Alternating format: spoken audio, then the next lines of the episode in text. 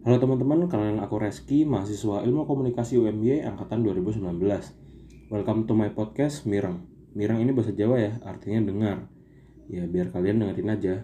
Gitu aja kenalannya, sekarang aku bakal ngomongin tentang lembaga penyiaran yang ada di Indonesia.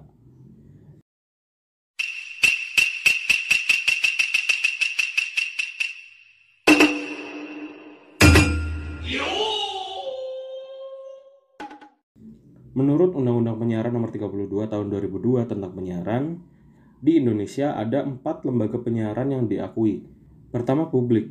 Lembaga yang berbentuk badan hukum yang didirikan negara, tapi sifatnya independen, netral, dan tidak komersil. Isinya memberi pelayanan untuk kepentingan masyarakat. Contohnya TVRI dan RRI. Lalu yang kedua ada swasta. Lembaga yang bersifat komersil berbentuk Badan Hukum Indonesia Bidangnya hanya siaran TV dan radio. Lalu yang ketiga ada komunitas, berbentuk lembaga hukum Indonesia, didirikan oleh komunitas tertentu, independen, tidak komersil, dan daya pancarnya rendah. E, mereka fungsinya untuk melayani komunitasnya, tidak boleh mencari laba, dan isinya itu budaya, pendidikan, informasi yang menggambarkan identitas bangsa. Terus kalau mereka tidak mencari laba, bagaimana mereka tetap bisa eksis? Ya itu adalah kontribusi dari komunitas mereka.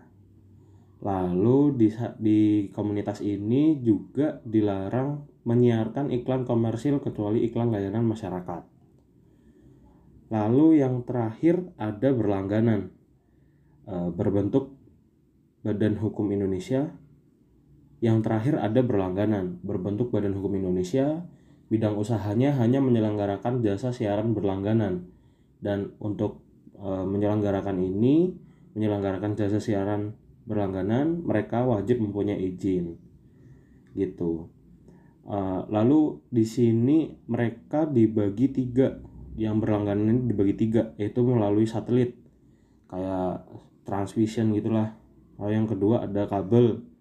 Yang ketiga ada terestrial Gitu aja, terima kasih yang udah dengerin sampai terakhir.